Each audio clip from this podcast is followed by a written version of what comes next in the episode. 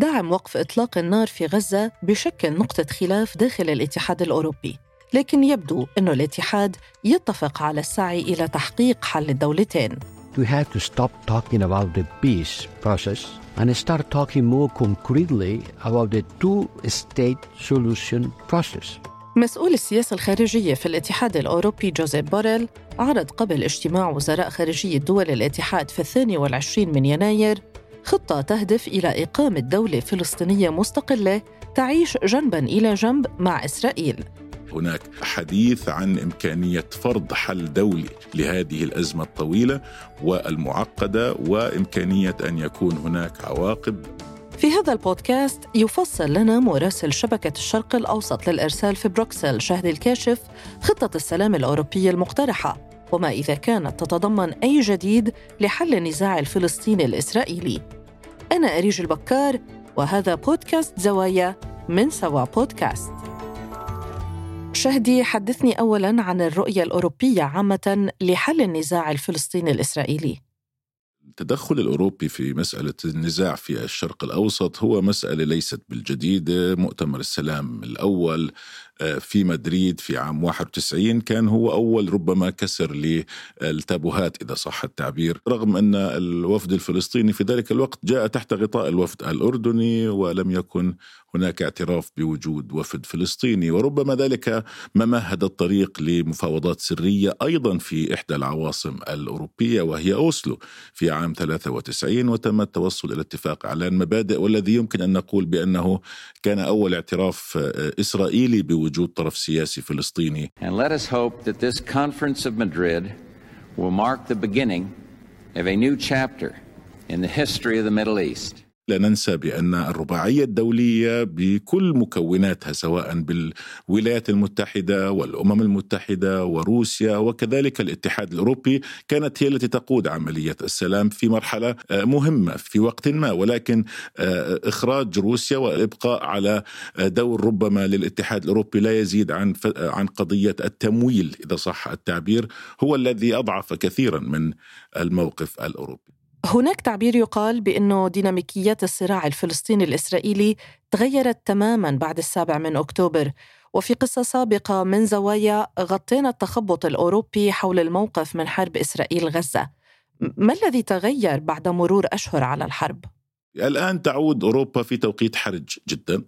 لتطرح مبادرة سياسية جاءت بعد سلسلة من التناقضات في مواقف دول الاتحاد الأوروبي. لم تعبر أبدا عن حالة وحدة موقف فيما يتعلق بالأزمة بدءا بموقف موحد خلف إسرائيل في بداية هجمات السابع من أكتوبر. وبعد ذلك بدأت الأمور تتأرجح بين مواقف مؤيدة ومعارضة مع بدء الاجتياح الإسرائيلي الكامل لقطاع غزة وارتفاع أعداد الضحايا بشكل كبير وما هي أبرز بنود هذه الخطة أو المبادرة السياسية الأوروبية؟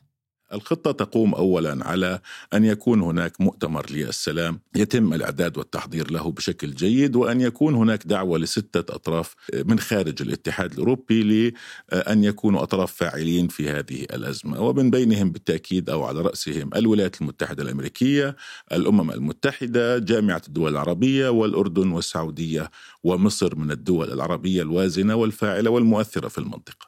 الهدف الأساسي من هذه الخطة هي أن تنتهي بقيام دولة فلسطينية مستقلة جنبا إلى جنب. دولة إسرائيل أن يكون هناك مساعي لأن يتم العمل على إنهاء الحرب في قطاع غزة إخراج الأسرى إعادة إعمار قطاع غزة.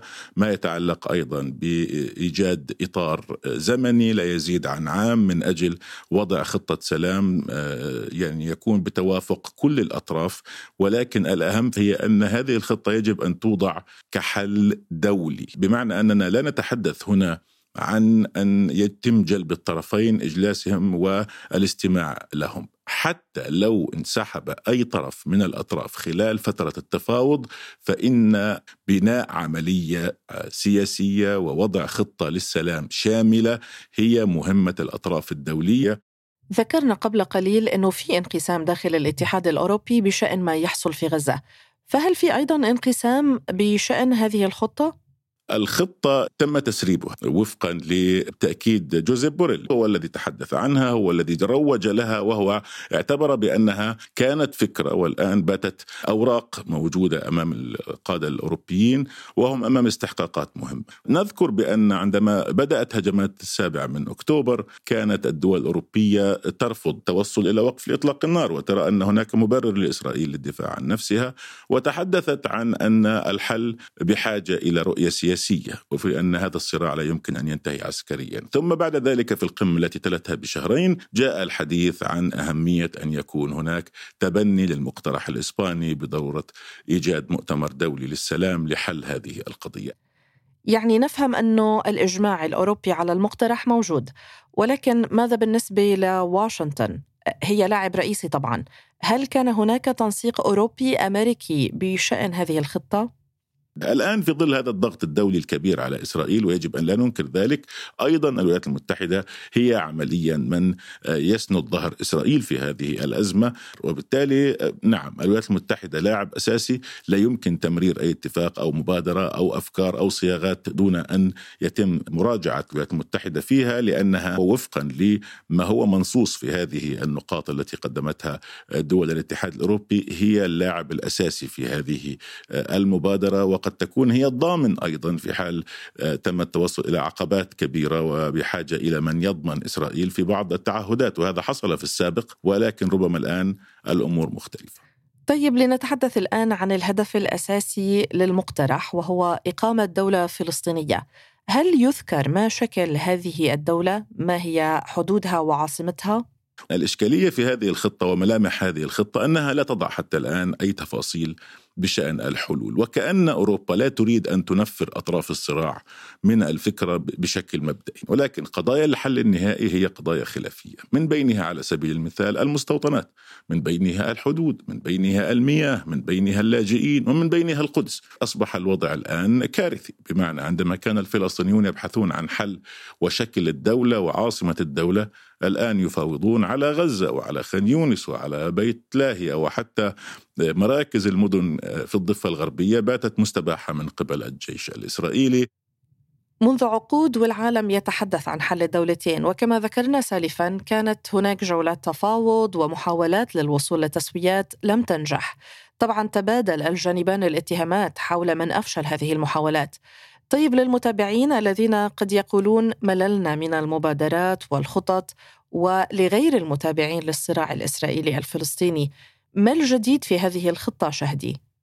هذه المرة الأولى التي يكون فيها هناك حديث عن إمكانية فرض حل دولي لهذه الأزمة الطويلة والمعقدة وإمكانية أن يكون هناك عواقب آه، لمن يرفض الانصياع إلى هذه الرؤية الدولية. وهذا بالتأكيد ربما العنصر الوحيد الجديد لأن باقي النقاط وبعضهم تحدث عن عشر نقاط و طرف آخر تحدث عن 12 نقطة ولكن هي بمجملها مستوحى من قرارات الشرعية الدولية والأمم المتحدة وثانيا من مبادرات آه، سابقة طرحت آه، سياسيا ومنها المبادرة العربية للسلام التي اعتمدها العرب في عام 2002 في بيروت عندما تتحدث عن احتمالية أن يكون هناك عواقب هل يمكن أن يفرض الاتحاد الأوروبي عقوبات على إسرائيل؟ الأسهل هو فرض عقوبات على الفلسطينيين الأصعب هو فرض عقوبات على إسرائيل لأن لديها دائما دعم دولي وغطاء دولي كبير.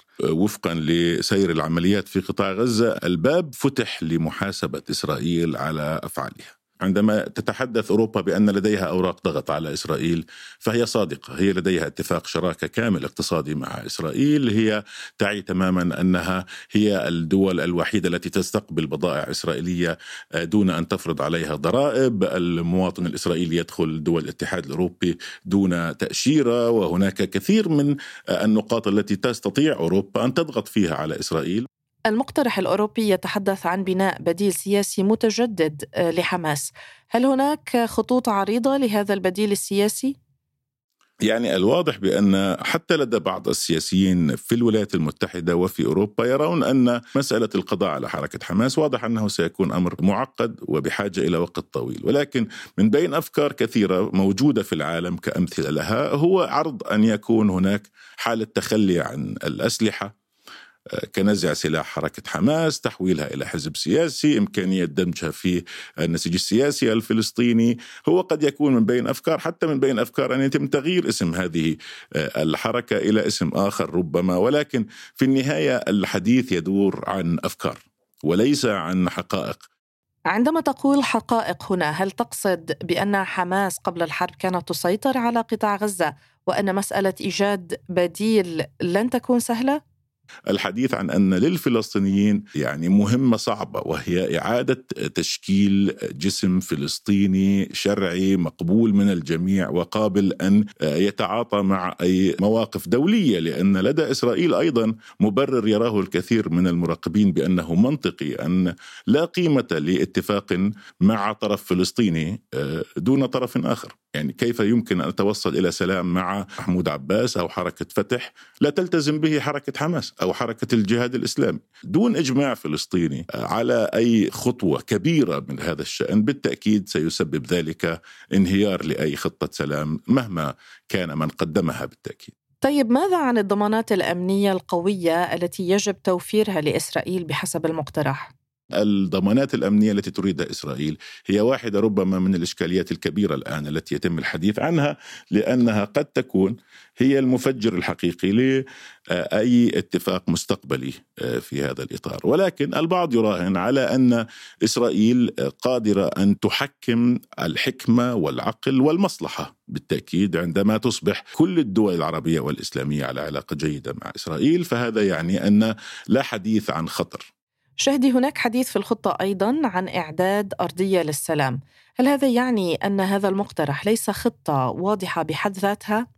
هي خطة للسلام ولكنها حتى لو كانت مبادرة فهي ستبقى كشكل خطة. بمعنى أن المبادرة دون موافقة الأطراف عليها بالتأكيد هي ستبقى حبر على ورق وتضاف إلى سلسلة المبادرات الموجودة في السابق. قد تأخذ منها قد تضيف عليها شيئا. ولكن الحديث عن دور أمريكي مهم هنا. يعني دعينا نذهب بخيالنا أبعد من ذلك، لو أن الولايات المتحدة اعترفت بدولة فلسطينية يوم غد كمبدأ أنا أعترف بوجود دولة فلسطينية ولكن هذه الدولة الآن بوضعها الحالي لا يعجبني. قد أقطع علاقاتي مع هذه الدولة ولكني أعترف بوجود دولة. هذا سيغير وقائع كثيرة. نقل موقع إكسيوس عن مسؤول أمريكي أن مراجعة الخيارات المتعلقة بالاعتراف بالدولة الفلسطينية كانت من القضايا التي طلب وزير الخارجية الأمريكي أنتوني بلينكن من الوزارة النظر فيها. وهذا الأمر أيضا تفكر فيه بعض الدول. الأوروبية والتي بعضها على سبيل المثال كإسبانيا أو حتى بلجيكا تتحدث عن ضرورة الاعتراف بدولة فلسطينية الآن نحن نعترف بإسرائيل كدولة وإذا أردنا حل الدولتين فيجب أن نؤمن نحن أصحاب الحل وأصحاب الفكرة بأن يكون هناك تساوي فيما يتعلق بالنظر إلى هذين الطرفين طرفي الصراع، وبالتالي هذه الأمور هي قد تخلق وقائع جديدة وقد تساهم في ايجاد مخرج وربما تزيد الضغط بشكل او باخر على الاقل اخلاقيا او قانونيا بان هناك دوله وهناك شعب وهناك مقومات حدود يجب ان تعترف بها اسرائيل. מדינת ישראל חייבת לשלוט ביטחונית על כל השטח מערבית לירדן. זה תנאי הכרחי. بنيامين نتنياهو رفض صراحة إقامة دولة فلسطينية مستقلة وقال يجب أن تكون لإسرائيل سيطرة أمنية على كامل الأراضي الواقعة غرب نهر الأردن وهذا شرط ضروري بحسب تعبيره وعلى الجانب الفلسطيني يبدو أن إيجاد بديل سياسي لحماس بحسب المراقبين ليس بالأمر السهل فهل يمكن أن تنجح الخطة الأوروبية أم أن مصيرها سيكون مشابها لمصير اتفاقية أوسلو؟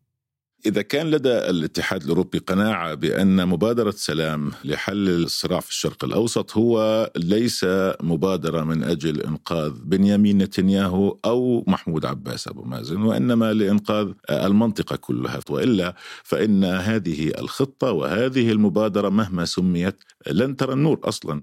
كان هذا بودكاست زوايا من سوا بودكاست. إعداد وكتابة أريج البكار.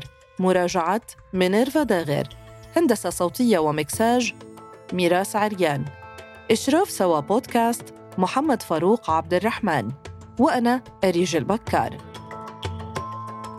إذا أعجبكم ما نقدمه الرجاء الاشتراك وتقييم الحلقات على منصات الاستماع للبودكاست.